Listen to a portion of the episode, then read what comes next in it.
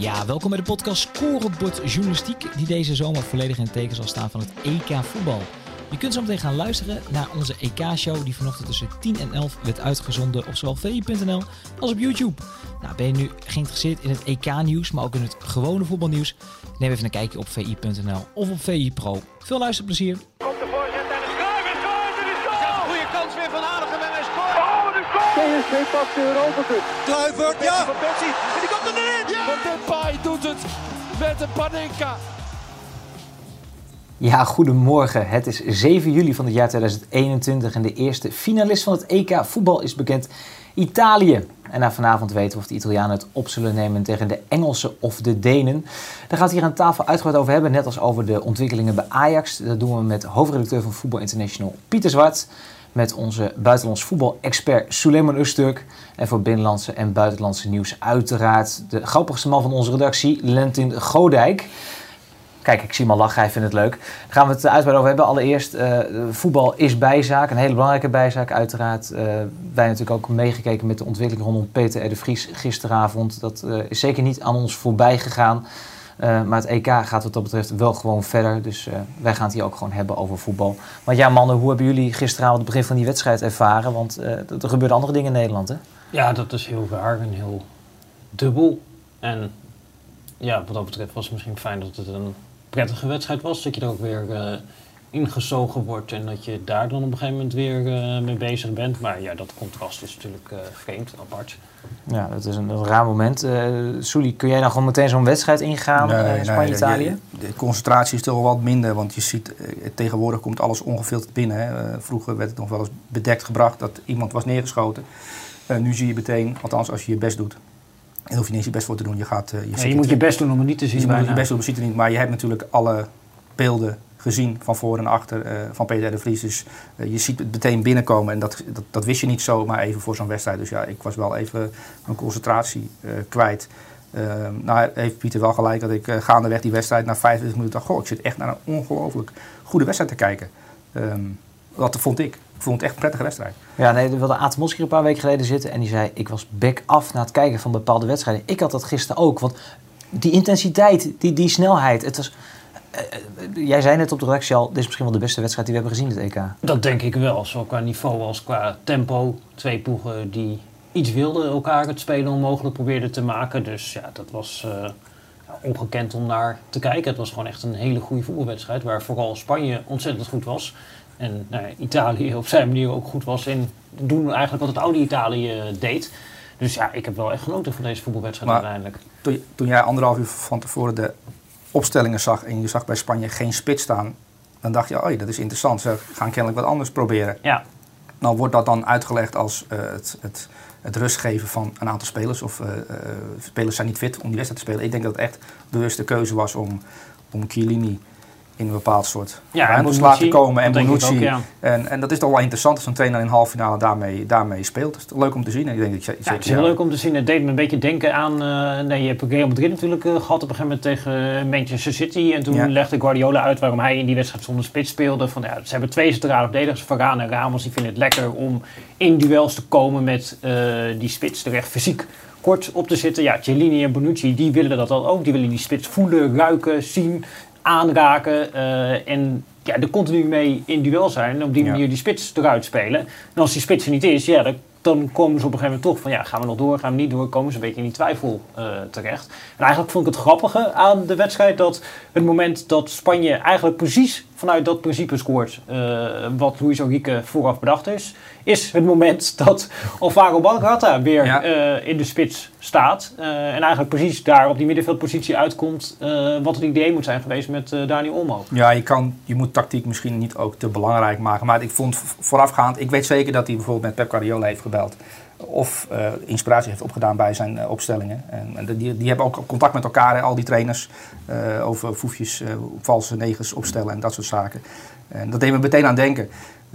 maar goed. Nee, Maar, maar dat is wel mooi, maar het, eigenlijk werd het een, een beetje ontmanteld, hè, het Italiaanse voetbal, wat we de eerste wedstrijden toch hadden gezien als, als mooi aantrekkelijk opbouwend voetbal. Ze kwamen er niet aan. Jij, hebt, jij schreef op VI Pro gisteravond laat, toen, toen ik al ongeveer richting bed ging. Ja, later Eh, schreef uh, Sully ook nog Sully, jullie hebben allebei gisteravond laat je productie nog zijn er twee geleverd. mensen die niet geslapen hebben. Dank daarvoor. Ja. Maar jij, jij had het over kamikaze voetbal wat Spanje speelde. Nou ja, bijna neem, wel. neem, ons even, neem ons even mee, wat hebben die eh, Spanjaarden nou gedaan om eigenlijk die Italianen klem te zetten? Ja, tot nu toe was eigenlijk natuurlijk het idee tegen Italië van ja, je kunt hier op twee manieren eh, tegen spelen. Nou, Italië speelt natuurlijk met die opkomende linksback, dat was altijd Spinazzola. Dat was nu dan was Emerson. ja. Ja. precies. Eh, dan hebben ze nog eh Insigne, die komt eigenlijk aan de linker binnenkant uit. Dan hebben ze Immobile als spits. Dan heb je Barella, die komt eigenlijk rechts aan de binnenkant uit. En helemaal rechts heb je Chiesa of Berardi. Spelen eigenlijk met vijf aanvallers. En tot nu toe was een soort van de heersende gedachte van ja, om dat te kunnen verdedigen moet je of zelf met vijf verdedigers spelen. Of je moet wat Oostenrijk deed tegen Konrad Leimer zeggen, hé, hey, dat was Spinazzola. Neem hem goed in je op. Loop daar de hele wedstrijd achteraan. eh, en probeer het op die manier eh, af te stoppen. En dat, dat was het idee van, nou, dat zijn de enige twee manieren om dit Italië te stoppen. Of je doet niks zoals Turkije en dan word je gewoon met 3-0 van de mat getikt. Eh, maar Spanje die dacht, ja, wij kunnen dat ook op een andere manier doen. Namelijk door ja, gewoon vooruit te verdedigen en het risico te nemen. Dus nou, die gingen niet achter Amazon aan, maar die zeiden eigenlijk, hey, vanuit Amazon, er stond uh, stond daar tegenover, gaan we door richting Cellini. Peri, die zat uh, in de huid uh, bij uh, Jorginho. Verratti, die werd gedekt door Koken. Busquets zat op Barella. ja, er was gewoon één op één over, het, hele veld. over het hele veld op een gegeven moment. Vanaf het moment dat de rechtsbuiten Oyarzabal doorging richting Cellini. Ja, en dan krijg je een heel ander type wedstrijd. Ook omdat Italië, ondanks deze druk, af en toe probeerde er onderuit te spelen. Nou, de momenten dat het lukt, liggen er ook gigantische ruimtes. Het is direct gevaarlijk, hè? Ja, werden ze direct gevaarlijk. Dat moment dat Simon op een gegeven moment zijn goal uit is. Dan moet je dus aan de bal, als je de bal veroverd hebt, uh, mag je geen fouten maken. Nee. Want elke keer dat je een fout maakt, dan is de kans dat je 50 meter terug of 70 meter terug moet sprinten. Dat gebeurde een aantal keer, Ja. maar dat werd het net verijdeld. Uh, konden de Italianen niet scoren. Maar Spanje was ook aan de bal vrij secuur met Busquets en Pedri. Die twee waren vrij secuur aan de bal, waardoor je dan ook uh, dat spel zo kan spelen met inderdaad een lijn van drie, soms vier, uh, 15 meter over de middenlijn stonden ze. Ja. ja dat, is best, dat is gewaagd. Dat is gewaagd, maar uiteindelijk ging het dus wel verkeerd. Want wat we nu schetsen, uh, het gevaar wat er lag, daardoor ontstond ook die, die 1-0. Ja, en toen moest Spanje eigenlijk ook naar plan B toe. Uh, ja, toen moesten ze naar plan B, maar eigenlijk valt die 1-0 op een moment ja, dat, dat het nog even niet... Jordi Alba komt eigenlijk door, die geeft een voorzet. Donnarumma die uh, vangt die bal op. Uh, en dan begint eigenlijk normaal gesproken de pressing voor Spanje. Maar ja, die stonden natuurlijk nog niet helemaal in positie. En dat moet zeggen, dat die Donnarumma die had dat wel fantastisch uh, in de Suisse. En die, ja, die sprint in één keer als een soort rugbier met die bal naar de hoek van de, zes, van de 16... om hem mee te rollen aan Verratti, die even niet koken uh, in zijn nek had. Ja, dan gaat het zo snel en dan gaat het met zo'n tempo. En ook inderdaad, uiteindelijk maar Chiesa dat doelpunt. Alba geeft die voorzet, die wordt onderschept, die baalt nog even. En die Chiesa die is al onderweg, nou die is zo snel, die hou je ook niet meer in. Ja, dat, dat is dan ook wel ja, de slimmigheid en het niveau, zeg maar. Van dat, er worden zulke kleine foutjes eigenlijk gemaakt uh, door Spanje. Er wordt zo dodelijk afgestraft uh, door Italië. Dan weet je dat je naar een wedstrijd op topniveau zit te kijken. Ja. En dan uh, is er één man die dan toch de reddende engel blijkt te zijn. Maar het wordt ook weer de slimiel, hè? De, de man van toernooi voor Spanje in negatief opzicht dan maar Morata. Zoveel over zich heen gekregen ja. in eigen land. Valt in, maakt die 1-1. En dan loopt hij uiteindelijk uh, naar die strafschopstip toe. En dan ben je er al een beetje bang voor, hè? Poeh, ja. Ja, je zag al omdat hij met gebogen hoofd zonder uitdrukking naar de 11 meter stip liep. Toen dacht je, oh nee, Oh, als hij hem maar niet ja. mist. Want ik dacht alweer aan die psycholoog die nu 40 sessies met hem moet gaan doen. Want dat is wel het geval. Um, jongen, even tussendoor, die- voor iedereen die het gemist heeft. Die jongen heeft heel veel kritiek gehad, hè? Zeker op het begin van het toernooi. Ja, maar hij heeft al jaren issues met de druk in de topvoetbal. En dat heeft hij ook zich ook open over uitgesproken. Dat is verder geen geheim ook. Ehm, ja, en dat hem dit dan overkomt eh, op zo'n moment is, is zielig. Maar ja, dat is ook eh, wat Gareth Southgate eh, 20 jaar lang met zich mee heeft gedragen. Dat, dat is wat bij voetbal hoort. Messi heeft ook in, in, in een finale penalties gemist van Basten. En dit is wat heel veel spelers overkomt. En dus ook Morata. Je moet het ook niet groter maken dan het is. Ehm, het is alleen wel type, ja, het overkomt hem weer. Ja, Ja, en je hebt het hele land al een keer Ja. over je heen gehad. eh, en je weet inderdaad van nou, als hij hem mist, ja, dan, dan is hij de zondebok. En dan krijgt hij weer dat hele Spanje over. Maar dat hij neemt, ik vind het eigenlijk dapperder dat hij hem neemt. Zeker. Dat is eigenlijk, daar moet je eigenlijk je focus op leggen. Uh, Hij neemt hem tenminste. Want er zijn dus spelers, wij hebben bij Oranje natuurlijk ook meegemaakt Ja. in het verleden, die dan Gaaf, er eventjes... kunnen ook inderdaad dingen over gezegd. Ja. Ja. eh, je kunt Ron Vlaar de schuld geven, maar het gaat eigenlijk hier over de spelers die, Die hem niet nemen. puntje bij paaltje hebben gezegd, nou, laat mij hem even niet nemen. Ja. En hij gaat er wel staan en hij gaat er wel nemen. Ja, eh, we zijn heel lovend over de Spanjaarden, zometeen nog even- even over Italië, maar heel kort even eh, P3. Ik, eh, Ja, gisteren, maar- ik zie jou minuut 105, zie ik jou een tweetje sturen van... we moeten het misschien even over P3 hebben. Dan gisteren op VI Pro schrijf jij een stukje dat het geen voetballer, maar een verschijning is. Ja. Eh, 55 passes in 90 minuten en 55 passes allemaal bij de juiste kleur. Daar ging het mij niet eens om. Het, Dat vond ik wel eh, een aardige statistiek. Ja, dat hij, dat hij geen balverlies leidt als 18-jarige op dat niveau tussen allerlei topvoetballers in is al vrij knap. Eh, ik vond Dani Olmo ook goed spelen, bijvoorbeeld. Ja. Eh, die, dat was de man van de wedstrijd. Vanuit voetbaloogpunt, vanuit eh, voetbalverstand. Ehm, maar alles wat Dani Olmo doet, begrijp ik. Denk, eh, een hakballetje, dat, dat kan ik op dat moment ergens begrijpen, dat je dat voelt en ziet. Maar wat Pedri doet op een gegeven moment in kleine ruimtes, daar kan ik met mijn Ik kan gewoon me een verstand... moment herinneren, vijf minuten voor tijd of zo. Toen er komt in één keer iemand die komt druk zetten eigenlijk vanuit zijn rug. En op de een of andere manier, ja, ik denk die jongen heeft ogen in zijn rug. Die ziet dat aankomen Ja. en die draait dan toch weer weg en vindt dan toch weer een ploeggenoot. Dat je denkt, ja, ik, ik snap niet hoe het kan. Ja, hij, is, hij doet dingen die, die, die echt ab- absurd zijn. Dat je dat voelt en ziet en dat je er ook op die manier eh, onderuit weet te voetballen. Dat heeft Iniesta had het natuurlijk ook. Ehm, en ik vond het wel mooi dat eh, de trainer, eh, Luis Enrique, na Ja, afloop... hij- werd natuurlijk gevraagd naar het toernooi en cijfers en eh speler van de wedstrijd. En, en hem even adem. En toen zei hij, ehm, vlak na een wedstrijd dat je uitgeschakeld bent in de halve finale... dat hij ongelooflijk genoten had van het hele toernooi van Pedri en ook weer deze wedstrijd. En dat hij hetzelfde gevoel had als ik, als ik eigenlijk. Dat ik het niet goed begrijp waar je naar zit te kijken.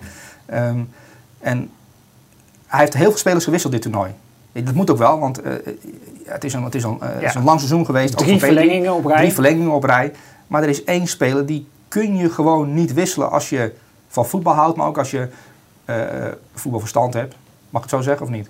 Nou, denk ik wel. Als je, als je die jongen ziet voetballen en je gaat zeggen dat hij niet op doel schiet, of je gaat zeggen dat hij, dat hij meer assist moet geven, of meer eh, gevaarlijk moet zijn in de 16.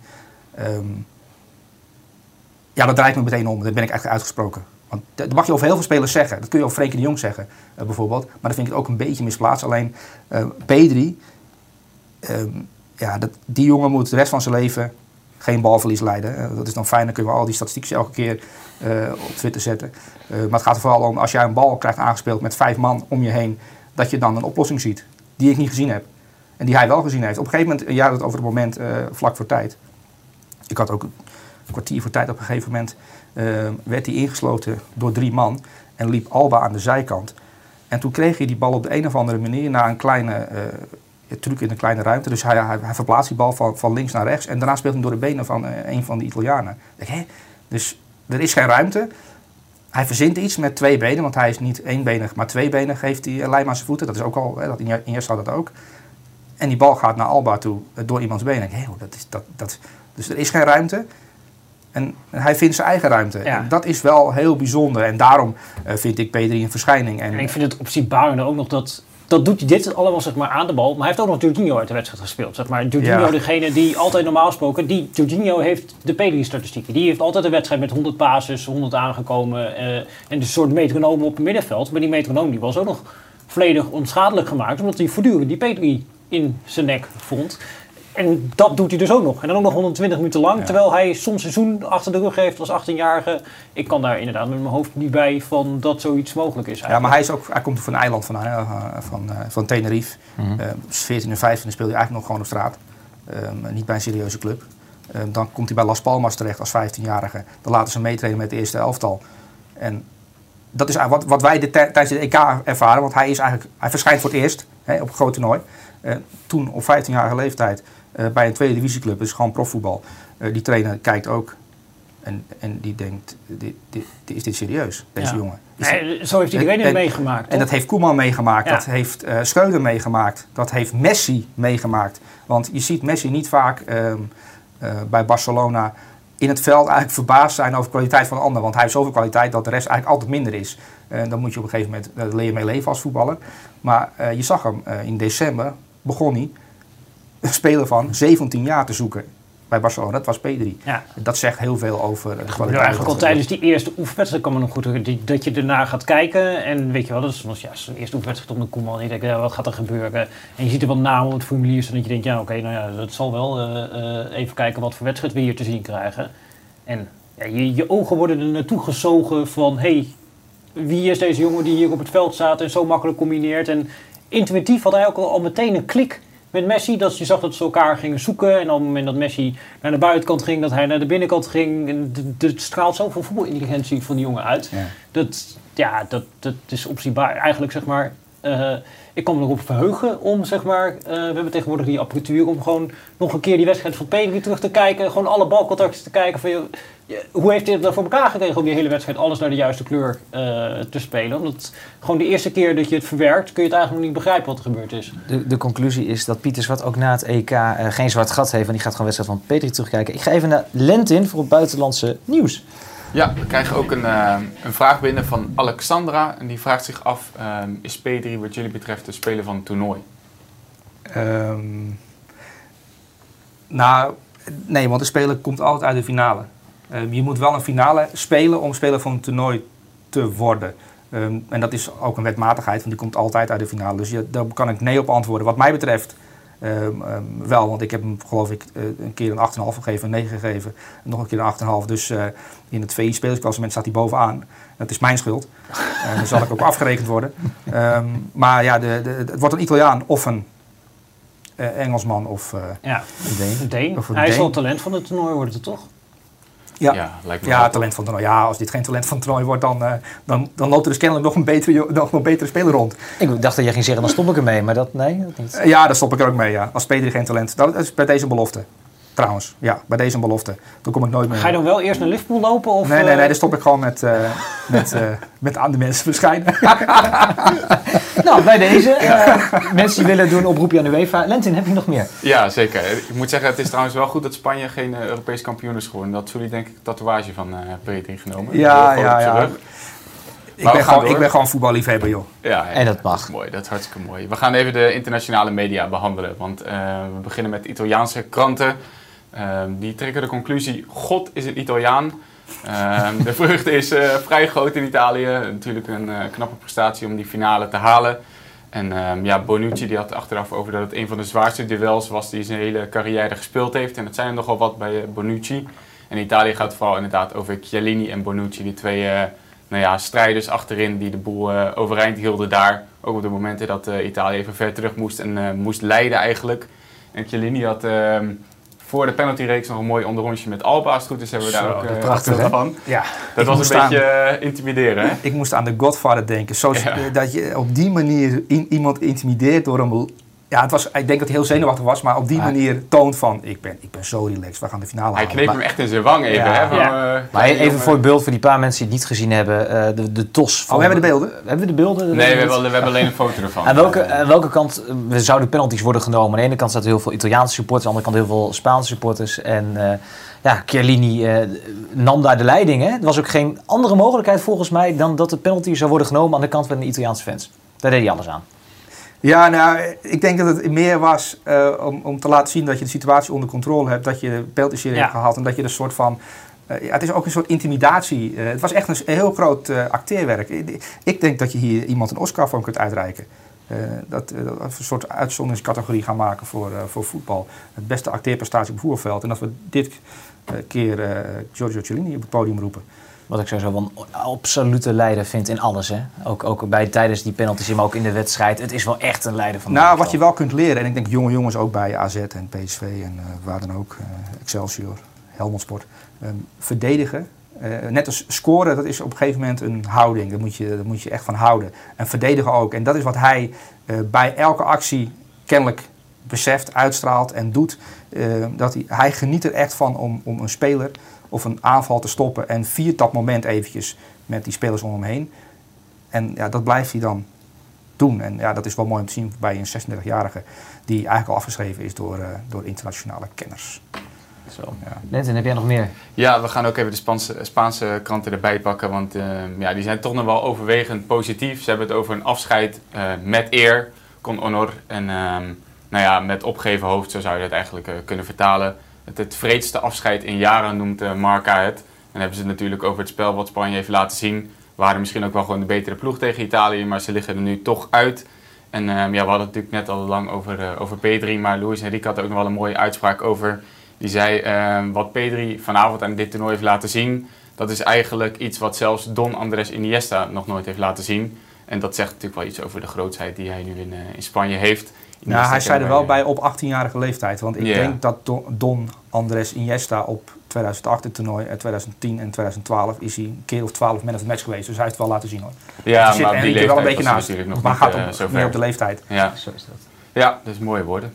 Dat was hem, dankjewel Lentin. Uh, het EK gaat verder weg, gaan zometeen uitgebreid hebben over die wedstrijd uh, van uh, Engeland tegen Denemarken. Maar er wordt ook alweer gewoon gevoetbald door onze profclubs. En Ajax is ook begonnen aan de voorbereiding. En gisteravond was Freek Jansen aanwezig voor de wedstrijd tussen Ajax en Kwik 20. En ik heb hier de nieuwe VI liggen. En onze favoriete kijk, rubriek kijk. Pezen in de provincie is weer terug. Freek, volgens mij heb je ook zo'n avondje meegemaakt, of niet? Dit was Pace in de provincie in Optima Forma. Uh, want uh, ja, nee, dit, dit, dat had alles met, uh, met de charme van het voetbal te maken. Hè? Een amateurclub wat helemaal was uitgelopen. Er mochten, nou, er mochten 500 toeschouwers aanwezig zijn. Die waren ver voor het begin aanwezig. Nou ja, en vervolgens een wedstrijd waar je normaal een telraam bij nodig hebt. Want normaal winterprofclub dik, daar staat het voor rust al, al dik voor. Maar ja, de gisteren was het niet minder waar. Ajax kwam nog wel voor rust 1-0 voor de Kudus. was vlak voor rust. Het was wel een moeizame eerste helft. Nou ja, en, en de Quick 20 deed eigenlijk heel goed voor een, voor een amateurploeg. En 10 minuten voor tijd maakten ze ook de 1-1. Ja, toen braken ze echt daar bij de sportpark af van, uh, van euforie. En na afloop ererondes voor de spelers. En ja, ze hadden echt de, wedstrijd van hun leven, de spelers van, uh, van Quick 20. En uh, ja, bij Ajax dropen ze wel af. Want ja, tegen een amateurclub, een tweede klasse zaterdag, 1-1 spelen. Ja, dat is wel een hele grote blamage, ja. Ja, dat, dat zei jij gisteren ook op, op Twitter na afloop. Aan de andere kant, Ajax had ook wel een iets ander elftal dan dat we in de bijvoorbeeld Champions League mogen verwachten. Hè? Ja, nee, oké, qua, qua dat is meer gewoon leuk voor ons, denk ik. Voor het pees in het provinciegevoel, voor, voor ja, de charme van het voetbal. Ook een amateurclub wat er helemaal naartoe leeft. Maar ja, verder qua uitslag, ook na afloop, de spelers die je sprak, ja, die hadden eigenlijk maling aan. Ze hadden gisterochtend ook uh, flink getraind. Um, zitten de hele week zitten ze in de Lut op trainingskamp. Ze hadden dus gisterochtend al een flinke training achter de rug. Gisteren met twee verschillende elftallen gespeeld. Um, ja, Ten Hag die baalde wel zichtbaar. Maar ja, die kan natuurlijk ook niet tegen zijn verlies. Die had het inderdaad in, in zijn analyse in een halve minuut tijd liet hij wel vijf of zes keer het woordje slecht vallen. Hij had zich volgens mij kapot geërgerd aan wat hij allemaal voor zich gaf, voor zich zag. Maar tegelijkertijd weet hij ook wat je zegt. Er waren elf spelers, zijn er nog niet bij. Uh, nou, laten we zeggen tien. Kio Scherp is de elfde, maar die gaat uh, waarschijnlijk deze week richting Brighton zijn transfer maken. Nou ja, en dan zijn er nog tien spelers afwezig. Nou, dat zijn bijna ook allemaal basisspelers. Er zijn er twee bij de Copa America. Martinez en Tajefico. Nou, die hebben vannacht de finale bereikt. Die gaan zich het weekend spelen. Twee spelers bij de Gold Cup, uh, Kleiber en Alvarez.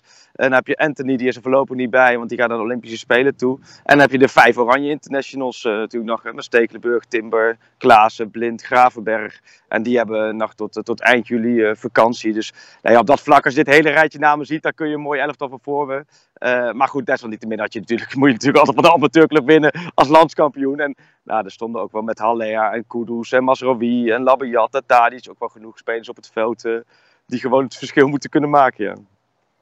Ja, geen, geen prettige nederlaag voor uh, Erik ten Nacht in zijn eigen achtertuin, zullen we dan maar zeggen. Maar het is maar een oefenwedstrijdje. Misschien de belangrijkste man die er wel was, daar was deze week wat over te doen. Uh, Dusan Tadic, werd even verband gebracht met AC Milan. Kon daar een fantastisch contract tekenen. Zelfs Italiaanse media die zeiden van ja, hij gaat echt weg. Uh, jij hebt hem gisteren gesproken, hè?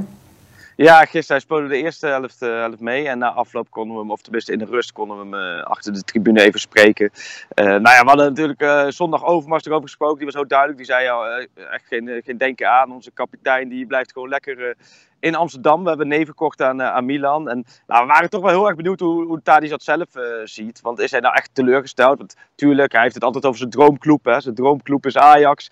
maar ja, als je op je 32e toch nog een transfer kan maken naar de Serie A en met, met Milan toch tegen de, de grootste clubs kan spelen daar in die competitie.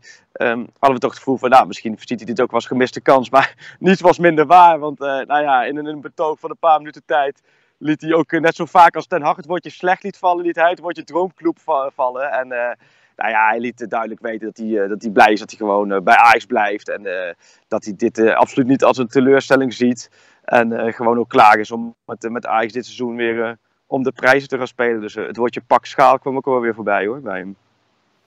Keurig, keurig. heb je veel Ajax-supporters, uh, inclusief uh, jouw maatje Arco van de Pakschaal podcast. Uh, heb je daar heel veel rust mee bezorgd, denk ik. toch even transfermarkt. Ajax wil zich nog wel versterken. De naam Sulemana is inmiddels denk ik een keer of tachtig gevallen in Amsterdam. Ja. Hij is in Nederland, Freek. Hij heeft gisteren gevoetbald. Hij heeft gewonnen van Vitesse met, met zijn club. Maar ja, met 5-0 hè. En ook nog een keertje gescoord, begreep ik. En het laatste kwartiertje meegedaan. Ik sprak gisteren even Gerry Hamstra, die is natuurlijk nu ook bij Ajax actief. Hè. Eigenlijk een beetje als rechterhand van, van Overmars. Die was ook bij die wedstrijd geweest uh, van Noordjeland tegen, tegen, tegen Vitesse. En, maar ja, die kon daar verder ook nog niet zo heel veel over zeggen. Zoals eigenlijk binnen Ajax het een beetje een, schimmig spel is. ze willen hem eigenlijk al vanaf januari. januari hebben ze natuurlijk de eerste bod gedaan. dat, dat lukte toen niet. Nou, vervolgens blijven volgen. Zijn ze een paar maanden geleden zijn ze ook bij hem geweest. Hij is inmiddels ook al in Amsterdam geweest, rondleiding gehad. Ja, je zou zeggen, wat is er nog nodig voor, uh, voor die handtekening? Maar ja, toch blijft het een, uh, ja, nog steeds afwachten. En, en ook binnen Ajax blijft het een beetje een, een vaag verhaal. Het heeft wat met zaakwaarnemers te maken. Eerst was heel lang het verhaal over een, uh, een vergoeding voor de zaakwaarnemer. Nou, dat, ja, volgens mij is dat wel uit de lucht. Maar ja, het blijft maar hangen op, op, op zijn handtekening. En vorige week is hij ook nog in Ren gesignaleerd om bij Stade Ren rond te neuzen. Dus ja, hij maakt in ieder geval een heel project vanzelf waar hij komend jaar voetbalt. En nou ja, bij Ajax hebben ze wel zoiets van ja, dit moet ook niet te lang meer blijven duren. Want uh, dan zullen ze op een gegeven moment wel gaan doorschakelen. Want ja, duidelijk is wel dat er uh, nog buitenspelers moeten komen.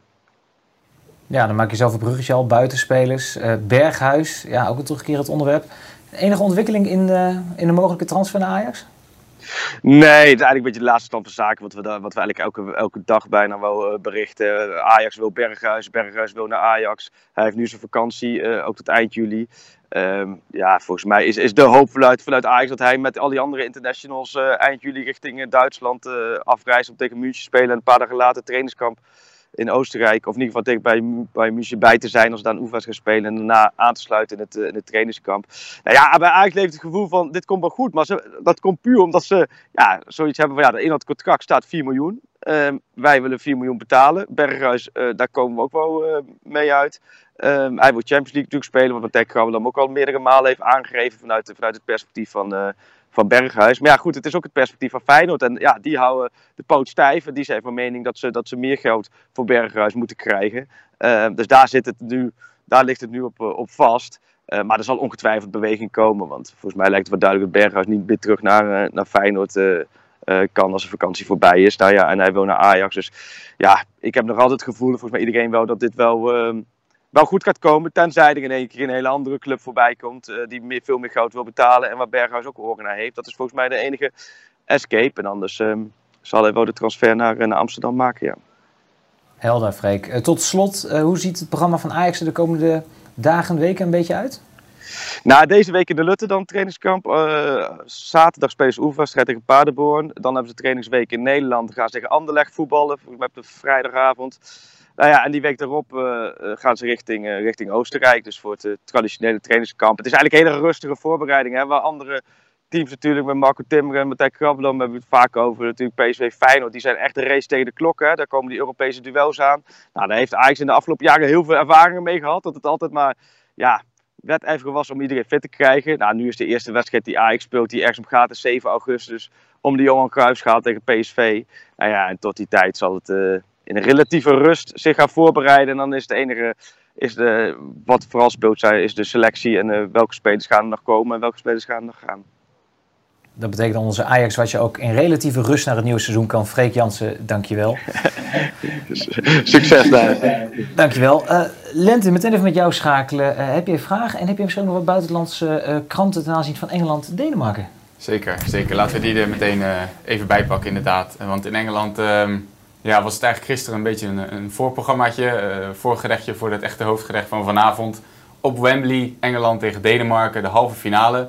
Daar is het natuurlijk uh, drie jaar geleden misgegaan. In de Nations League is het daar misgegaan. Daar weten wij als Nederlands elftal alles van. En nu, uh, nu moet het dan wel goed gaan tegen die Denen. En het vertrouwen in Engeland is vrij groot. Hè? Eigenlijk gaat niemand er meer vanuit dat het misgaat tegen Denemarken. Nothing can stop me now had Harry Kane op de cover staan in een van de Engelse kranten. Dus dat moet wel goed komen, is het, is het gevoel daar. Volgens mij hebben we hier aan tafel wel iets meer bedenkingen daarbij. En Casper Schmeichel heeft daar ook wat bedenkingen bij. Want ehm, het hele liedje en de hele leus voetbal is coming home, daar gelooft hij eigenlijk niet zo heel erg veel van. Eh, dit was zijn reactie gisteren.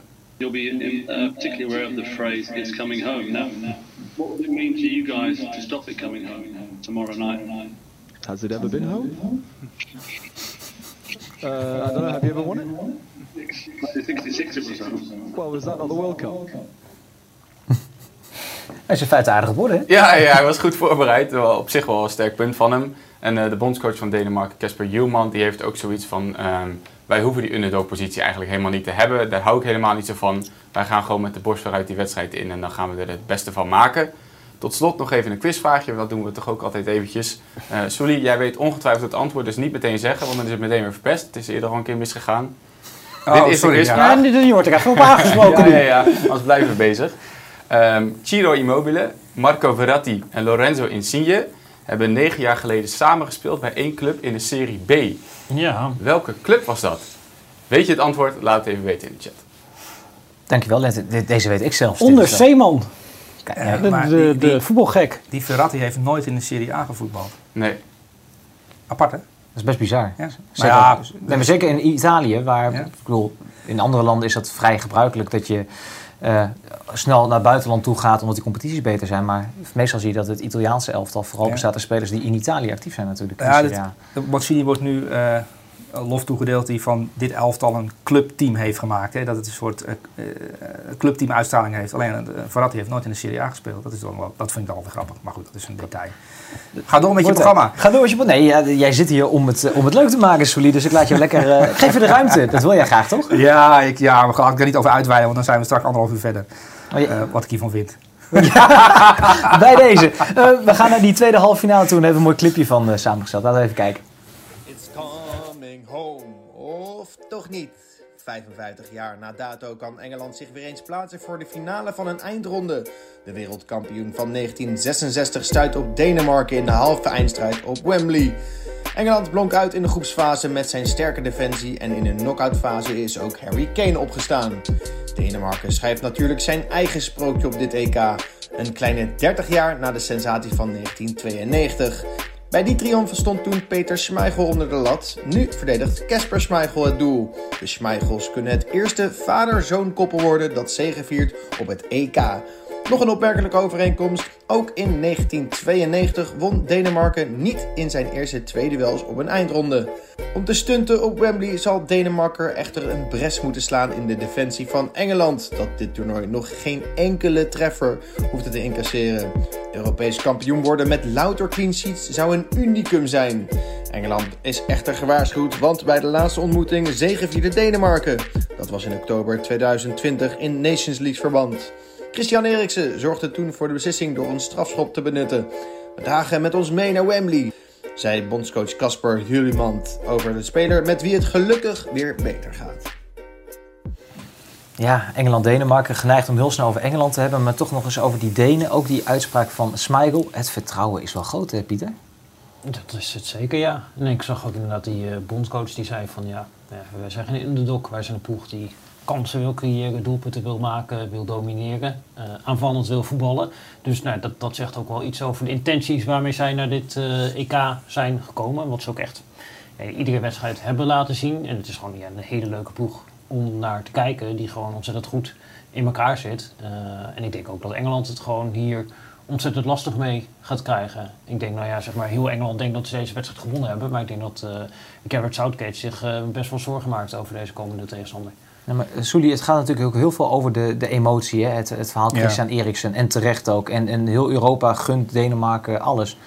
Maar ze spelen toch ook gewoon goed voetbal? Er zit toch een idee achter? Ik denk dat de bondscoach van Denemarken het niet heel erg vindt dat die emo dat emotieverhaal elke keer erbij wordt gehaald. Want dan kun je een beetje zo, waar je goed in bent, dat kun je dan uitvoeren op het veld en dan heeft eigenlijk niemand door. Niemand praat erover. Niemand inderdaad. praat er eigenlijk over, Ja. want wat er bij de Denen gebeurt is natuurlijk eh, dat ze heel goed werk leveren. Ehm, eh, wat andere bondscoaches hebben nagelaten. Ehm, ja, dat, dat team zit heel goed in elkaar op voetbalgebied, ehm, op mentaal gebied, op conditioneel gebied. Dat is een vakman die daar eh, het afgelopen jaar aan heeft gewerkt. En ze hebben, zo moet je het eigenlijk zien, het verlies van Eriksen tijdens een EK. Het is natuurlijk heel emotioneel wat er gebeurd is. Je ziet daar iemand sterven en uiteindelijk ook weer opstaan. Dat is het verhaal wat nu elke keer herhaald wordt op een net iets Ja. andere manier. Maar eh, dit is gewoon een hele goede ploeg. En eigenlijk moet je daar de focus op leggen. En ja, het kli- klinkt misschien een beetje vreemd, maar ik word eigenlijk een beetje moe van dat verhaal eh, over de emotie. Dat, dat, dat, dat, heb ik, dat weet ik nu Nee, dat, dat, dat Eh, is ook zo. Maar Kijk, ik, ik ben heel blij dat Christian Eriksen Ja. nog onder ons is. Ja, dat, dat is het gegeven. Maar dat iedereen telkens daar vanuit zichzelf een soort emotie bij legt, dat snap ik niet zo goed. Nou ja, ook omdat het wordt dan een beetje op deze ploeg gelegd, zeg maar. Alsof het de ploeg is eh, die, die er helemaal niks voor konden. Eh, dat Ja. toen gebeurde dit en nu is het één groot vriendenteam eh, en allemaal op emotie winnen ze deze wedstrijden. Terwijl ondertussen, zeg maar, in de wedstrijd eh, switchen ze, iedere wedstrijd heb ik ze van systeem eh, zien wisselen. Bij een spelervatting, eh nou, het zijn allemaal patronen. Dit is een ploeg die duidelijk, ja, die spelen niet op emotie, die spelen met een plan. Een en die zijn een plan. Ja. aan het uitvoeren. Het is meer plan dan emotie. Alleen die bondscoach is, is een zeer intelligente fan die denkt, laat maar gaan. Weet je wel, dat, dat, En die maakt gebruik wel van. lekker. En die, die gebruikt het in zijn voordeel. ja, Ja, precies. Maar dan mag ik één naam even noemen. En die zult niet iedereen kennen die het elftal ziet spelen. Mats Boetkerijt. En dan hopelijk gaat er een lampje branden bij jullie. ja. Wie is dat, Pieter? Ja, dat is de man van de spelervattingen. Komt bij uh, Mietjeland eh, vandaan. Eh, zoals iedereen bij spelervattingen bij Mietjeland en Brentford vandaan komt. En in die zin is Denemarken is, is een heel raar verhaal. En in die zin, dat komt ook weer terug op wat jullie net zei. Mietjeland was niet zo slim als deze bondscoach. Mietjeland werd op een gegeven moment kampioen van Denemarken. Nou, Rasmus Enkersen, de technisch directeur, de eigenaar, is uh, een oud uh, gokker die heel veel geld verdiende met slimme algoritmes, daarmee uh, wetkantoren verslaan. Uh, Rasmus Ankersen was de TD en die vond het dermate slim wat zij gedaan hadden bij uh, Mietjeland. Onder meer door allerlei specialisten aan te nemen voor spelervattingen. Dus dat was de inworpcoach die later fameus is geworden. Maar ze hadden er ook één voor vrije trappen. Ze hadden data-analysten speciaal voor dit gebied. Nou, deze man die jij noemt uh, was een van die uh, spelhervattingcoaches. En wat zij gedaan hebben is daar openlijk over verteld. Van ja, we hebben ingezet op spelhervatting. Dat zijn eigenlijk gratis doelpunten. Uh, we hebben 40% van onze doelpunten daaruit gemaakt. Daardoor zijn we kampioen geworden. en toen dacht heel Denemarken, hé, hey, daar zit wel wat in. Dus iedereen is daar spelhervattingsspecialisten gaan aannemen. Als je gaat kijken naar het aantal doelpunten uit spelhervattingen in Denemarken. Dat is over de hele linie van de competitie is dat explosief gegroeid. Iedereen die zet daar enorm op in. En dat zie je nu ook terug bij de nationale ploeg. Waar dan nou, deze jongen van Denemarken... Mats. Ja, bij zit. Maar als je gaat kijken naar die corners, dat is een soort kunstwerk op zich. Je kunt gewoon denk ik een uur praten over de corners van Denemarken. En zeg maar alle patronen en principes die daarachter zitten... Uh, beschrijven van wat daar allemaal gebeurt bij zo'n corner. Want het is...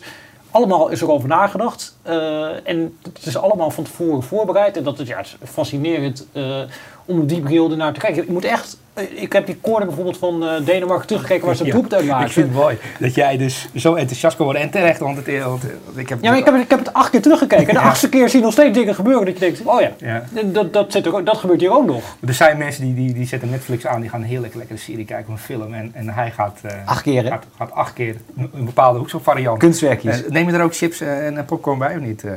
een beetje chips kan wel, ja. Nou, ik maak het nu, nu, nu belachelijk, maar wat ik wil zeggen, de Italianen hebben, een, oh, dat weet je waarschijnlijk ook wel, die, die hebben precies, die hebben een wiskundige aan boord, die, die ook, uh, dat heb ik ook maar gelezen, die 4.500 routines uh, ja. in zijn competitie heeft staan. Uh, heb ik het over hoekschoppen. Gianni Fio, die heeft ook nog bij Brentford gewerkt. Dus ja. Ook bij dat, dat... Dat ligt weer in het verlengde. Dus, dus dat soort dingen, als je daar als bond achterkomt dat je dat niet hebt, zou ik mijn huiswerk gaan maken en, en, en, en, en, en beter worden. Want Denemarken staat alleen maar in de halve finale omdat ze hier goed in zijn.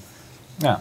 Dus dat, omdat ze hebben en niet niet de meest is, exceptionele is uh, neergevallen in de, in de eerste wedstrijd. Nou ja, en Engeland is er ook goed in, weet je. Die, die hebben op een gegeven moment ja, weer met Amerikaanse sporten hebben ze weer overleg gehad en hebben ze weer een inworproutine uh, toegevoegd. En je ziet inderdaad, ja, dat dit soort landen die nemen dat serieus. Uh, en dat is de reden. Kijk, zij scoren er ook twee keer uit in is, is de kwartfinale. Is het een kleine sneer naar de KNVB in Nederlands elftal? Want dit heb ik bij Oranje niet gehoord al die weken.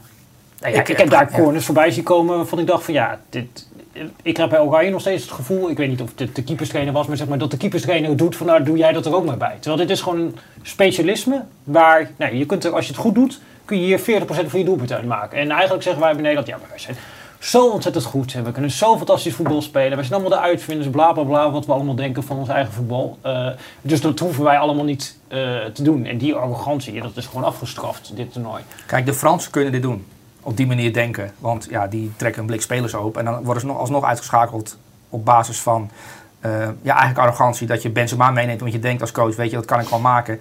Waardoor het hele dynamiek in zo'n elftal wegvalt. Mhm. Eh, die hebben kwaliteit genoeg. En dat had Nederland vroeger natuurlijk ook in 98. Zoveel Ja. kwaliteit, hoef je niet na te denken over wat je doet. Eh, en, en zo denken wij nog een beetje. Dat Ja. wij op die manier voetballen. Alleen Nederland is gewoon een, klein voetballand. Eh, als je dat gaat, eh, daar moet je eigenlijk beginnen. En hoe, hoe kun je dan grote voetballanden verslaan? En niet door te denken dat het op- op- op- ja, aankomt op techniek. Dat hoekschop een techniek is. Want dat is alles behalve techniek. Ja, ik zie gisteren ook weer, ja, dan, dan is er ook weer discussie van, ja, kun je dan trainen eh, op strafschoppen? Is blijkbaar dan ook nog steeds een discussie. Ik, kan maar, ik, ik snap ook nooit zo goed zeg maar, waar dat idee vandaan komt. Omdat als je de redenatie doortrekt en de logica erachter van, ja, je doet het onder druk, dus je kunt er niet op trainen. Dan kun je dus ook gewoon stoppen de hele week met een normale spel trainen. Want dat ja, speel je dan ook in één keer met supporters. 11 tegen 11 spelen heeft geen zin op het Het heeft ook geen zin trainingsveld. op het trainingsveld. Ja, weet je, dit, dit, dit zit totaal geen logica of gedachte achter als je dat soort dingen zegt. Want als je je eigen logica doortrekt, betekent dat de enige logische, conclusie van zeggen: ik kan niet trainen op strafschop, ik kan niet trainen op vrije trap, ik kan niet trainen op hoekschoppen is: ik kan gewoon de hele week niet trainen. We trainen gewoon de hele week niet en we gaan gewoon zondag die wedstrijd spelen en dan hopen we maar dat het goed gaat. Eh ja, dan gaat het niet goed. Nou, Oké, tot zover de, de strafschop hoekschoppen. Ehm, de Engelse, ik, ik, van de week luisterde ik de, de NOS voetbalpodcast van de NOS. Nou, dat ging de echt, dat ging los. Die waren geen fan, geloof Dat ik. waren de discussie. Jeroen, Guter, Jeroen Guter sorry, over, het, over het Engelse nationale elftal. En ik heb jou daar ook al eens over gehoord. Eh, Voor mij noemde jij het op een gegeven Ja, moment. maar, eh, zal ik uitleggen hoe, waarom ik dat zeg? Want Leg het maar even is al lang geleden. Ik heb gewoon kroeg, kroegelftal. Kroegelftal was het. Ja, maar ik moet in 10 seconden de analyse maken. Weet je, Ja. dan, dan, dan kom je tot een soundbite. Ehm, maar ik ben bijvoorbeeld, dat zal Pieter ook wel weten, ik ben al jarenlang een, een, heb ik een fanclub opgericht hè, voor Harry Maguire. Nou, maar dat vind ik echt een geweldige verdediger. Ehm, maar elke keer als je dat zegt, dan, dan stopt de discussie, want dat vindt iedereen aan tafel niet. Dus dan, dan wordt er overheen gesproken. Ehm, want in, in, in Nederland is Harry Maguire, een, eh, ja, die heeft een groot hoofd. En die kan niet voetballen. Ehm, dus die mag eigenlijk niet op het veld staan. Waarom, En dan, en, dan, en dan stopt het eigenlijk, terwijl ik vind dat zo- zo'n goede verdediger. waarom vind jij zo'n goede verdediger? Nou, omdat hij dus helemaal niet eh, een Engelse verdediger is. Dit is een jongen die uit de League One komt en daar ook al op deze manier speelt. En ik heb het over de manier ehm, dat hij alles voetballend wil oplossen. En zo, zodanig vaak, en, en hij neemt zoveel risico, dat het soms iets te Ja. voetballend is. Wa- wa- Hij staat ook in al die statistieken, zeg maar. Van, nee, je, kunt van alles over Harry Maguire zeggen, maar niet dat het geen voetballende verdediger Ja, is. dat is- Maar hij staat in de Daily Bind statistieken, zeg maar. Van pases richting de helft van de tegenstander, richting het laatste gedeelte van het veld. eh, oprukken met de bal aan de voet, zeg maar. Al dat soort dingen waar Daily Bind goed in is, is Harry Maguire ook goed. dat kun je niet is, voorstellen eigenlijk. Maar eh, eigenlijk is Harry uitziet. Maguire de Daily Bind van Engeland, maar omdat hij eruit ziet als Harry Maguire, denken we, oh, die kan niet voetballen. En dan vinden we één momentje waar hij even ruzie heeft met de bal en dan zeggen we, ja, zie je, Harry Maguire kan niet voetballen. Maar dan ben je aan het bevestigen van het idee Daar komt mijn eh, opmerking kroegelftal vandaan. Want je, dan bevestig je eigenlijk wat anderen willen horen. Maar dat is een fout van mij en dat is ook een beetje recalcitrant gedrag van mij en zo'n Dat tafel. heb jij soms wel eens. Ehm, ja, ja, omdat je op een gegeven moment, ja, dan moet je in, in een 30 seconden uitleggen. Maar je zit eigenlijk tegen mensen te praten die denken, waar weet die gozer het over? Eh is Harry Maguire, die kan helemaal niet voetballen, punt. En dan wordt er gelachen. En verder naar de volgende En discussie. verder volgende, Precies. volgende discussie. En dat, zo, is, zo werkt dat. Nou, dan gaan wij het even iets verder, eh, wat dieper hebben over Engeland. Eh, wat ik eigenlijk mijn punt wilde maken is dat het eh, nogal negatief belicht wordt. Niet alleen Harry Maguire, maar het hele Engelse voetbal. Ook voor mij zijn ze het toernooi ingegaan met het idee van eh, zo min mogelijk tegendoelpunten krijgen, grootste kans op Ja. succes. En ik wil eigenlijk dat stuk schrijven richting die wedstrijd van Oekraïne. Want het was toen stel 1-0. eh, en ik had al een beetje de insteek bedacht. Dus ik dacht, eh, ja, eh, Engeland, ik wil eigenlijk de titel maken. Engeland speelt doodzaai voetbal omdat eh, de data-analysten dat willen. En toen heb ik uiteindelijk maar gemaakt, uh, speelt met de nul omdat ze dat willen. Maar dat is wel ja, echt de gedachte achter dit elftal. Van ja, we spelen eh, op zeker, we nemen niet te veel risico. eh, en dat ook ja, daar balbezit eh voor gebruiken op sommige momenten. En ja, iedere keer kijken naar, oké, tegen wie spelen. Maar dat is ook mindset ding waar we het net over hadden. Van, die gaan- zijn niet dit toernooi ingegaan met het idee van, we gaan iedereen van de mat spelen. Nee, ze zijn dit toernooi ingegaan met, oké, we zijn niet de beste ploeg op dit, of in ieder geval, we hebben niet de beste spelers op dit toernooi. Maar we kunnen wel dit toernooi winnen. Eh, en om dit toernooi te winnen moeten we heel goed kijken naar wat er voor nodig om dat toernooi te winnen. En een van de dingen ja, die je daarvoor nodig hebt, is dat jij weinig tegendoelpunten krijgt. En met die mindset eh, stappen ze wedstrijden in. En dus passen ze zich iedere wedstrijd aan aan een tegenstander. Ook tegen Schotland, ook tegen Kroatië, ook tegen Oekraïne. Maar wat de discussie dan wordt, is ze hebben misschien niet het beste elftal. Ze hebben niet de spelers die Frankrijk heeft, ik roep maar wat. Maar ze hebben wel het derde, vierde, vijfde beste elftal. Ze hebben heel veel ook aanvallende spelers die misschien wel te weinig gebruikt zijn in dit toernooi. Ja, maar hij staat eh, in de halve finale, speelt hij twee thuiswedstrijden en misschien staat hij wel met die cup in de handen. En het, zodra dat lukt, eh, heeft niemand het daar meer natuurlijk over. En eigenlijk, ja, zijn taak is in principe als trainer natuurlijk eh, om te winnen. Eh, en dan zeg maar, als je iets anders wil, dan moet je als bond zeggen: Oké, ik stel een bondscoach aan die er eigenlijk alleen maar is eh, om te vermaken. En het resultaat maakt niet uit. Ja, dan, dan moet je dat gaan doen. Maar eigenlijk maak je dan een nieuwe sport. Sportvoetbal is uh, 90 minuten spelen. Wie de meeste doelpunten maakt, die wint. en in die sport is Garrett Southgate hartstikke goed bezig, dit toernooi. en inderdaad, de mensen die zeggen van ja, maar ik vind eigenlijk dat voetbal een jurysport is. Ja, dan, dan ben je een nieuw sport aan het creëren. Beetje ja, Nederlandse ziekte. Kijk, het begint natuurlijk met een idee. Mancini is in 2018 begonnen met het idee, weg met die 1-0. Uh, als we het dan ondergaan, dan wil ik het op mijn manier doen. We gaan mooi voetbal brengen. En, en, en Southgate, die, die komt ergens vandaan. Die heeft heel vaak verloren in zijn leven. Uh, die is neergezet als een uh, lulletje rozenwater die niet kan winnen. Dus die is met een hele ander idee. Die denkt, wij, wij, ik wil bewijzen dat we wel iets kunnen winnen. En die is op die manier het toernooi ingegaan. En ja, mindset is het goede woord. Dat mag je niet gebruiken, maar mindset is het goede woord. En zij krijgen, ze zijn heel moeilijk te verslaan. En als Engeland uh, nu plotseling in de halve finale besluit, weet je wat, we gaan luisteren naar uh, wat uh, Stef de Bond wil, bijvoorbeeld, Zou omdat die nog graag vermaakt worden. en dat gaan ze doen, dan liggen ze eruit. Ja. Dat had je eerder moeten besluiten. Je ja. kunt niet nu en, in en zo goed zijn ze ook weer niet, zeg maar. Als je naar die verdediging kijkt, ja, als je ja. niet en Rice en Phillips voorzet, ja, dan ga je denk ik ook met deze verdediging in de problemen komen uh, als Engeland zijde.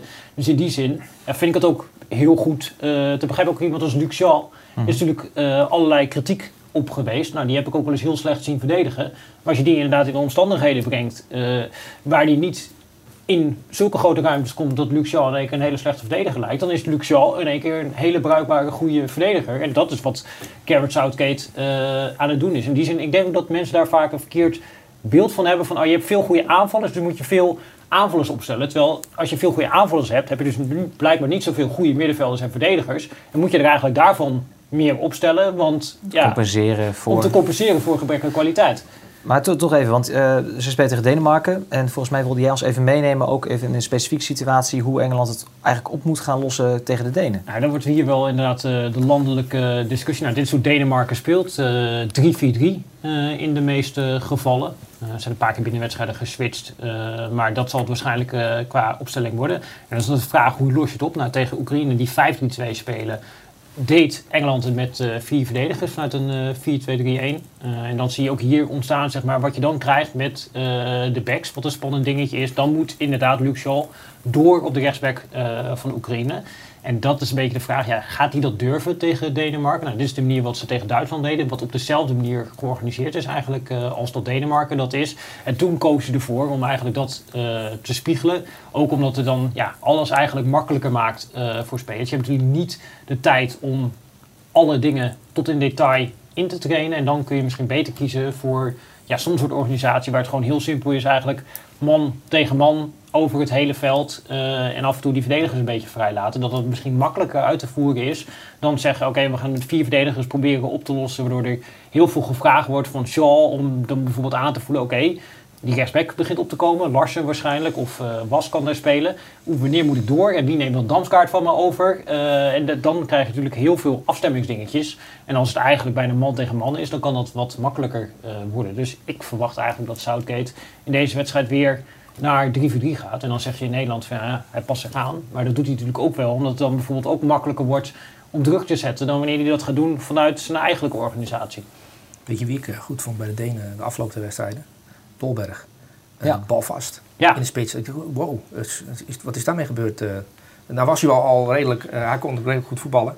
Maar hoog niveau haalde hij afgelopen twee wedstrijden. En los van zijn goals. Maar ik denk van, hey, uh, omdat hij zo bal vast is, kun je als ploeg ook met die backs die, die opkomen. En die hebben iets meer tijd. Twee voor elke keer de bal verliest, dan moet je terugrennen. En, heeft, die, heeft die trainer ook gezien, hè? Die bracht hem in. In eerste instantie speelde hij niet. Nee, hij speelde, nee, omdat eerlijk gezegd, moest, moest een aantal zaken veranderd worden. Maar die, die, ik vind het wel leuk om te zien, die, die, jongen die natuurlijk weer hier in, in, in Amsterdam gevoetbald heeft.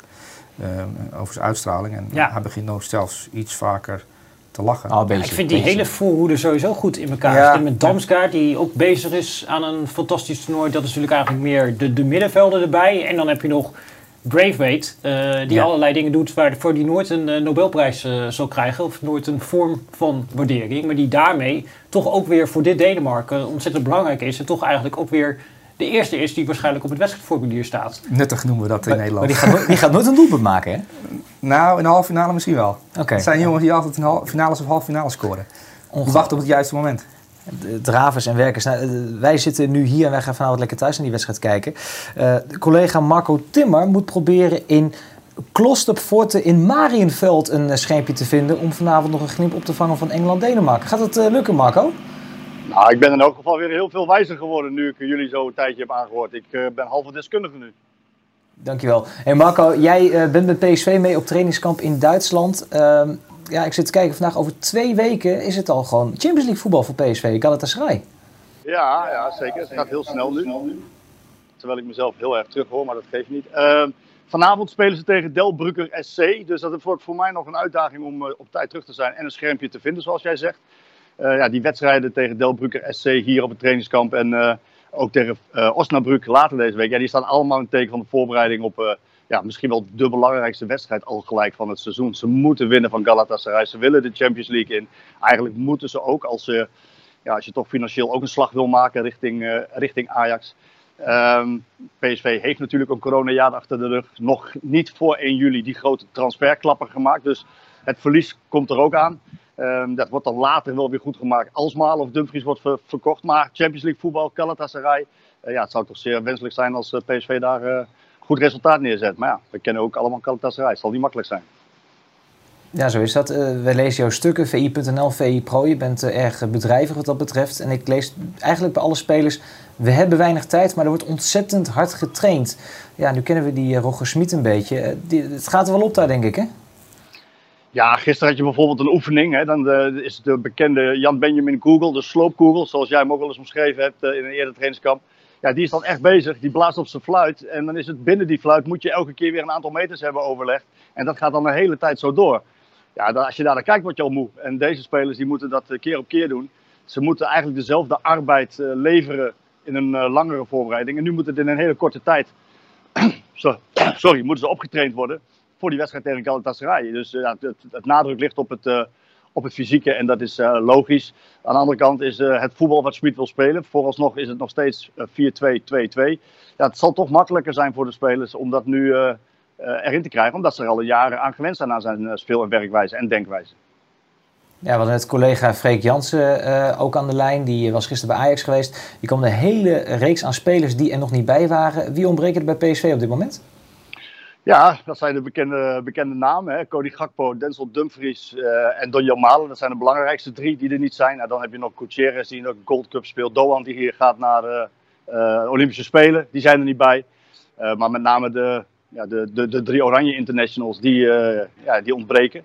En het is de vraag of we ze hier nog terug gaan zien. In ieder geval niet om dit trainingskamp, maar ook bij PSV. Gakpo sowieso wel. Die sluit iets eerder aan ook. Dat zou zelfs nog een optie kunnen zijn voor de wedstrijd tegen Galatasaray. Zo vertelde Schmid ons gisteren. Maar uh, hij verwacht uh, Malen en Dumfries eigenlijk niet terug. Aan de andere kant, uh, ik geloof dat ze zich 19 juli moeten melden. er is nog ja, niet voldoende beweging om te zeggen dat er, dat nu al een transfer is. We weten ook dat het snel kan gaan, maar ja, ze geven ook een klein beetje tegenstrijdige signalen af. Ik heb even gesproken met wat mensen binnen PSV die aangeven. Um, er is nog niemand concreet geweest. Niet voor Madueke, niet voor Iataren, niet voor Dumfries, niet voor Malen. Uh, gisteren zei Roger Smit, ja, er zijn natuurlijk wel onderhandelingen gaande. En daarmee kan hij ook doelen op de onderhandelingen die in dit geval Mino Raiola bijvoorbeeld voert met Dortmund of Liverpool voor Malen en Inter en Everton voor, uh, voor Dumfries. Dus die ruimte heeft hij gekregen. Ze, ze mogen praten met, met andere clubs. Ja, en dan kan het op een gegeven moment ook snel gaan als speler en club eruit zijn. Dan zullen ze zich snel melden bij PSV. Ja, het zijn de, de, gesprekken, het informele circuit vaak, hè, dat dat aan de achterkant al uh, vast wordt uh, gedaan. En met een beetje uh, mazzel komen ze dan bij de club uit. Eén er even uitpikken. Jij noemde Mo Iatare. En die hebben we vorig jaar meegemaakt op datzelfde trainingskamp. Allemaal gedoe, was wat te zwaar, wilde het ijsbad niet in. misschien wel een transfer nu deze zomer. Hoe loopt hij er nu bij? Ja, het is een wereld van verschil. als ik de beschrijvingen die jij nu aan mij geeft afzet tegen hoe hij nu traint, hoe hij eruit ziet hij is heel erg fit. Hij ziet er heel afgetraind uit. Uh, we hebben ook gehoord dat hij in alle testen die, uh, ja, die ze doen en in alle data die eruit komt, dat hij bij de beste hoort. Hij heeft duidelijk een knop omgezet. Hij heeft het licht gezien in die zin dat je wel moet afwachten wat er gebeurt als hij met een, teleurstelling omgaat. Nou, kan hij daar ook nog mee omgaan? Ja, dan kan hij wel eens een, een heel, heel mooi revanche nemen op zichzelf en op een verloren jaar, want dat was het eigenlijk. hij is erg goed bezig. Ik zie hem hier achter mij op het veld zie je hem ook echt strooien met precisiepasses.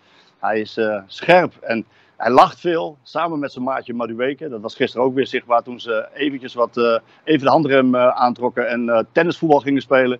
Ze gingen van het rechtse veld, wat keukenkampioen-divisie is, helemaal naar links. Daar wonnen ze steeds alles. Naar, naar de Champions League, zeg maar. Nou, uiteindelijk verloren ze van Ramaljo, Bosgagli en Obispo. Maar die twee die hebben zoveel plezier samen. En ja, als, als hij dat door kan trekken, Iataren, dan, uh, ja, dan kan het een heel mooi jaar worden. De vraag is alleen waar, bij PSV of ergens anders. Nou, wat jij zegt, het woordje revanche in de mond. Uh, ik, ik, had de indruk einde van het seizoen dat het gewoon einde, einde PSV was voor hem. Maar als ik jou zo beluister, misschien dat het wel weer een opening is om toch gewoon lekker in Eindhoven te blijven. Uh, ja, die opening is er wel. Uh, het is alleen de vraag wat hij zelf wil. Hè. Hij heeft natuurlijk zijn probleempjes met Smit gehad, maar ze hebben nu ook alweer gesproken uh, met elkaar. En Smit ziet ook een hele andere Moïataren. ja, kijk, hij heeft nog steeds zijn contract niet verlengd. En dat contract loopt na dit seizoen af, dus zeg maar na komend seizoen. dan is het normaal gesproken tijd voor een club om een speler te verkopen. Moet er wel een club komen. Nou, Wolfsburg wordt steeds genoemd. Ik heb even contact gehad met mensen daar. Uh, ja, ook weer tegenstrijdige signalen. Hè. Uh, we waren bij Van Bommel vorige week en die zei van ik vind hem een fantastische voetballer. En als hij zijn niveau haalt, dan gaat hij heel veel geld opleveren. Ja, dan, dan proef je gewoon van dat hij hem het liefst naar Wolfsburg haalt. Maar goed, hij heeft ook te maken met technisch directeur en met een algemeen directeur. En dat moet wel passen. En er moet geld op tafel komen. Ja, en de mensen bij Wolfsburg die ik gesproken heb zeggen dat daar nog geen sprake van is. Aan de andere kant, ja, als Iatar een revanche wil nemen, kan hij dat volgens mij het beste doen bij PSV en nog een jaar in Nederland blijven. Zijn contract verlengen. Laten zien dat je echt een hele goede voetballer bent. Eh, dat je het uh, predicaat talent achter je laat en een volwassen speler wordt. Nou, dat mogen we nu ook wel een beetje van hem verwachten. En hij kan het in ieder geval voetbal, met zijn voetbalkwaliteiten kan hij dat in elk geval brengen. Nou, kan hij het ook met mentaliteit en karakter. Als hij dat wel kan brengen, ja, dan is er zeker volgens mij een opening voor PSV om het contract te verlengen. Uh, ze willen wel eerst, denk ik, even zien hoe het gaat in deze voorbereiding. Dat hij goed teruggekomen is, dat heeft iedereen kunnen zien. Nou, maar hoe gaat het nu verder? Uh, als er straks een teleurstellingetje komt. Misschien speelt hij niet tegen Galatasaray. En dan? Wat gebeurt er dan? Nou, dat willen ze even zien, denk ik. En uh, ja, als dat heel goed is, dan weet ik zeker dat ze, ja, dat ze gek zouden zijn. als ze niet met hem in gesprek gaan, dan zullen ze het contract zeker willen verlengen. Helder Marco, dankjewel voor alle updates uit het Duitse trainingskamp. Ga vooral naar VI Pro, daar schrijf jij eh, bijna dagelijks voor. Dus uh, daar gaat volgen. En veel plezier met de wedstrijd van PSV en hopelijk ook nog ergens uh, Engeland tegen Denemarken. Succes jongens, bye bye. bye, bye. Yes. Even hier aan tafel heel kort. Iataren, gaat dat nog lukken bij PSV? Ja, die vraag vind ik al negatief eigenlijk. Want je, er is rondom Iataren een soort, die moet zich bewijzen. Die, die heeft een soort van uh, wantrouwen om zich heen dat hij zich bij PSV moet bewijzen. Maar, ja, maar er is wel heel veel gebeurd daar vorig jaar. Ja, dat weet ik wel. Maar ik vind, ja, ik vind dat toch uh, opvallend dat bij sommige spelers er altijd uh, wordt, wordt gesproken in een soort van wantrouwen. Iataren moet zich bewijzen, hij is fit. het zal vast zijn dat hij gebeld is door een bepaalde trainer die zegt: zorg ervoor dat je super fit bent. Als je overkomt, dan wordt je hier warm welkom geheten. Want het is wel opvallend dat hij inderdaad fit is en vorig jaar niet fit was. dus hij zal met onvrede hebben gezeten. En als je wantrouwen om je heen hebt, dan krijg je dat soort gedrag van dit soort jongens. Uh, en, en, dat kunnen we dan elke keer op zo'n jongen spiegelen dat het een rotjoch is. Um, ja, maar, ik, niet, ja, nou, ik vind zeg, het, ook... zeg niet dat het rotjoch is, maar het is meer van, uh, het is vorig jaar niet goed gegaan, we kennen zijn potentie, we kennen zijn talent. De vraag is nu, het is gaat altijd, het nog lukken? Ja, maar er wordt altijd gezegd, het is zo'n goede voetballer. En uh, wordt elke keer, dat wordt zo'n lange aanloop genomen, mm -hmm. genomen om te zeggen waarom hij niet in de basis staat. Maar als iedereen het zo'n goede voetballer vindt, inclusief de technische staf van, PSV, waarom speelt hij dan niet vaker? Dat vraag ik me echt oprecht af. Hoor. Dat is gewoon hoe ik er van buitenkant naar kijk. Maar vorig jaar, omdat hij niet fit was en wat akkefietjes heeft gehad, Marco net ook terecht uh, opmerkt. Ja, dat ja. is voor een trainer, zeker voor een Duitse trainer, die wil gewoon elf spelers hebben die precies uitvoeren wat hij wil. Ja. Ja, maar je ziet bij dit soort type voetballers, het is niet alleen op Iataren van toepassing, maar ook in het buitenland. Mm -hmm. Dan wordt een bepaalde voetballer de hemel ingeprezen door een trainer. En dus je kunt er allerlei voorbeelden van, van noemen. En er zit nog een bepaald wantrouwen, en dan komt er een komma. Uh, en de jongen speelt nooit. Ja, het is, ik, ik, ja, het is ook een manier. Ziyech bij Chelsea, een beetje op die manier. Bijvoorbeeld, ja, bijvoorbeeld. Ja. ja, ja, dit, is het, dit is een bepaald type speler. Die, kun, die kan je niet in dit 4-2-2-2 systeem uh, de dingen laten uitvoeren zoals Smit dat wil. Dat is denk ik het hele punt. En misschien denkt Smit dat het wel kan. En, wil, en Iataren ergens in zijn achterhoofd weet hij dat kan niet. Dat, dit is niet hoe ik me fijn voel. En daar zit een botsing. En ja, misschien houden we elkaar ook wat dat betreft een beetje gek, voor ja. de gek, zeg ja, maar. Dat, dat, gevoel heb ik er heel erg bij. Dat ze eigenlijk allebei weten misschien van, nou ja, dit, dit, dat wat, ik- waar ik goed in ben, past niet bij deze stijl. Dat heb je natuurlijk ook vaak genoeg gezien met spelers. Van, nou, ze komen in een andere stijl en in één keer is het wel weer eh, fantastisch. Ja, misschien past het niet bij elkaar. Alleen inderdaad naar buiten toe moeten ze dan allebei nog roepen van... eh, ik ga er nog helemaal voor. eh, en wij vinden het een fantastische voetbal. En ondertussen zit je iedere week op de bank. Ja, weet je, dat, die, die trainers die kom je overal inderdaad tegen die dat soort dingen roepen. En ja, dat, dat, dat wordt op een gegeven moment een beetje doorzichtig natuurlijk. Ik hoop voor de Eredivisie en voor PSV en voor Iataren dat het gewoon nog eh, gaat lukken bij, eh Nou, bij voor- PSV komend seizoen. Maar het zijn, zijn er al uit of niet? Eh, want voor, tot Tanane heeft hetzelfde probleem. Tanane. Geweldige speler. Iedereen. Het is een aanloop. En, dan, en dat kom maar incident, als er een verhaal van gemaakt Ja, wordt, Bassoer. zitten altijd alinea's in over de incidenten. En, en, en zo'n jongen die voelt dat. Het is een soort wantrouwen wat om je heen beweegt. Je, omdat je Oesmane Tanane bent en je niet jezelf kan zijn. Want, want jij, jij, jij doet niet zoals die Duitser. Nee, want het is geen Duitser. Maar je zult soms in een groep je ook moeten, eh, ja, Ja, moeten daar- Dus laten leiden door een trainer en door een groepsdynamiek. ik weet het. En eh, daar hebben sommige jongens eh, het moeilijker mee dan andere jongens. En dat wordt niet altijd overal geaccepteerd. Herken jij daar een beetje in? Nee, helemaal niet. Maar ik vind het best opvallend hoe er over Iataren wordt bericht eh, vanuit een bepaalde... eh, nou, niet vanuit hoe, hoe er over hem wordt bericht in het algemeen. Dan denk je, ja, hij moet, er is altijd een soort van eh komma. Nooit, het is een goede speler. Voorbehoud, ja. Het is altijd, er wordt altijd een voorbehoud gemaakt. Ehm, maar dat geldt voor heel veel voetballen. Van Dumfries, dat geldt hetzelfde voor. Ehm, er wordt op een altijd manier, gemaakt dat hij... eh, Dumfries is eigenlijk de omgekeerde taar. Maar Dumfries wordt altijd gezegd, ja, eh, geweldige, geweldige instelling, et cetera, et cetera. Hij heeft ze helemaal opgeklokt. Maar eh, techniek is ook fantastisch. En bij Iataren is het omgekeerde verhaal. Ja, fantastische techniek, maar ja, dat, dat is zo. Dat, dus het, het- het heeft niks met nationaliteit te maken of omdat ik, ik daar iets bij voel. Het is gewoon wat me opvalt. Nee, ik- maar dat, dat, dit kun je heel breed trekken. Dan kun je zoals Martin Droon zeggen bij het altijd Nou, bij gaat de dat Roon hij is dezelfde, precies dezelfde discussie. Het is vermoeiend dat hij in Nederland, en dat heeft de jongen zelf ook. Ja. eh, dat kan je niet hardop zeggen, maar dat heeft de jongen zelf ook. Die komt dan dat, dat, de grens over in Nederland en dan, dan moet hij zich opeens bewijzen. Terwijl hij in Italië bij de beste vijf verdedigende middenvelders hoort. Oké, dat is, Dat mooi, is, dat is best les. wel apart af en toe. En ik zou dan als speler gewoon interviews weigeren. Daar heb ik geen zin in. Laat, laat lekker gaan. Eh, de- deze maand doe ik geen interviews, want eh, ik ben in dit land geen voetballer. En eh, dat zou ik bij Italië zou ik ook adviseren. Stop ermee. Nou, bij Praten. deze het advies. Het is eh, jammer voor ons, eh, voor ons magazine, maar bij deze. Ja. Lentin, heb jij nog overig nieuws voor mensen die misschien wel iets gezegd hebben? Ja, zeker. We gaan nog even naar de Copa America. Daar is vannacht weer gevoetbald. En Argentinië heeft de finale bereikt. Eigenlijk wat we allemaal hoopten. Hè? De finale Argentinië-Brazilië. Je hebt ongetwijfeld vanochtend nog wel even teruggekeken, Sully, met een bakje yoghurt. Ja, als er vragen worden gesteld erover, kan ik antwoorden. Dus, ja, ja, eh, ja. ik heb gekeken. Acht over half zeven gaat volgens mij eh, de wekker, heb ik uit betrouwbare bron eh, vernomen. En dan eh, kijk je nog even Argentinië. Nou, de wekker gaat soms op een andere manier natuurlijk iets vroeger nog. Dus eh, het was vrij vroeg. Ehm, Je hebt een kleine, hè? Ja, en die, die gaat af en toe af. Die wekker. Eh, maar ik heb gekeken en, eh, en Colombia is ook fysiek sterk elftal. En ik vond vooral de, de, de, emotie bij Messi na het, na het eh, binnenhalen van die finale, die stafschoppenserie die ze wonnen, apart. En iedereen die niet gekeken heeft, adviseer ik, je hoeft die hele wedstrijd niet terug te kijken. Want het was vooral de tweede helft ehm, een soort van vertragen van het spel om de penalty serie te Ja. halen van Colombia. Maar de eerste vier minuten tot aan het doelpunt kun je, hoef je niet te zien van Argentinië. Maar de eerste vier minuten zit één actie van Messi in. Als je die gezien hebt, dan heb je de hele wedstrijd gezien. Ja. Er is één actie, ik zeg verder niks. Iedereen die nu gaat terugkijken, weet waar ik het over heb. Ja, en op zich, eh, Martinez in die strafschoppenserie, dat was ook nog wel... eh, dat En was de in ieder geval keeper. een spektakel. ja, Amy Martinez. Dat is eh, ook een mooi verhaal van een jongen die tien jaar lang genegeerd is door allerlei trainers die er verstand van hebben. Die denken, die kan niet keepen. Nou, we zien het. Ja, hij was heel lang tweede keeper bij Arsenal en nu is hij naar Aston Villa vertrokken afgelopen jaar. Geweldig seizoen gehad en hij stopte dus drie strafschoppen in de strafschoppenreeks. En daarom is Argentinië naar die finale. Die finale is eh, komende zaterdag op zondagnacht om twee uur s'nachts. Even de wekker voor zetten. Sully gaat ook ongetwijfeld kijken. Nou, nee, want ik moet, eh, Ja, zondag, wel, sorry, ik moet zondag hier weer zijn. Hè, dus dan kan ik niet live kijken. Ja, daar hou je maar een nachtje Dus we moeten er even over best. praten met, eh, met de heer eh, Zwart. Want ik moet hier, vol- geloof ik, zondag zijn. Hè? Zondagmorgen. Zondagmorgen, ja, dan kan ik dus niet eh, de Copa America finale kijken. Dus ik hoop dat er een eh, petitie wordt opgestart op internet voor mij dat ik eh, zondag vrij heb. Nou, misschien kun je ehm, advies inwinnen bij Feyenoord, want ze hebben nieuwe hersteltechnieken. Daar komt ook een vraag over binnen. Want, ehm, Ik zie dit bruggetje nog niet helemaal. eh. Feyenoord, ehm, herstellen jullie ook zo na een uitzending? Dat Even zou voor mij wel goed zijn.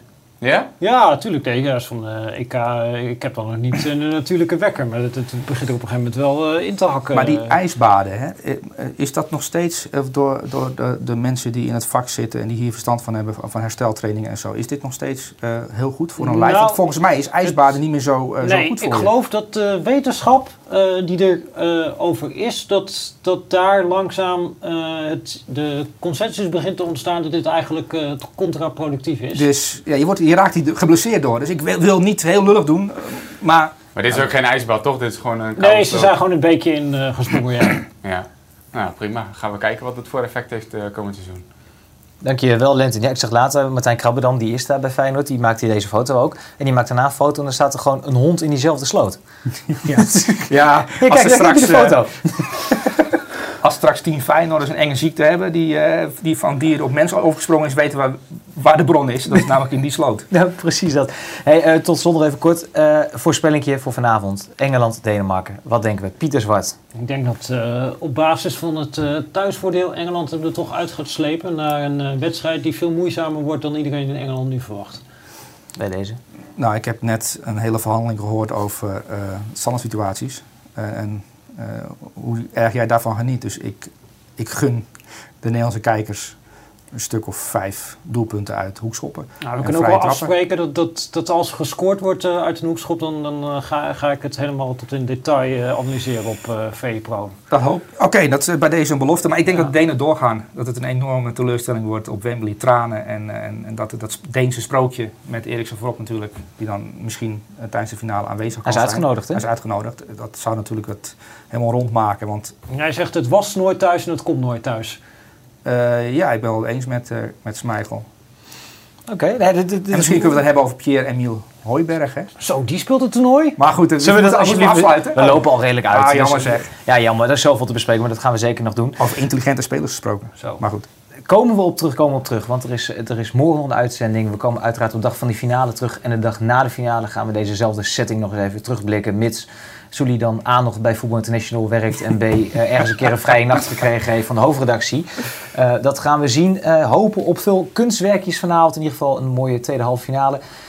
Voor meer informatie ga uiteraard naar vi.nl en VI Pro. En voor morgen, ze zijn hier al druk bezig om de rollators klaar te zetten. We hebben een tafel met Kees Jansma, Dick Advocaat en Cor Pot. Ga vooral kijken. Dat vind ik Voor nu beledigend. veel plezier en tot morgen. Dat vind ik beledigend. Goede kans weer van Aardigem en hij scoort. Oh, de PSV pakt de Europa Cup. Kluivert, ja! Van Persie. En die komt er erin. Van Depay doet het met een Panenka.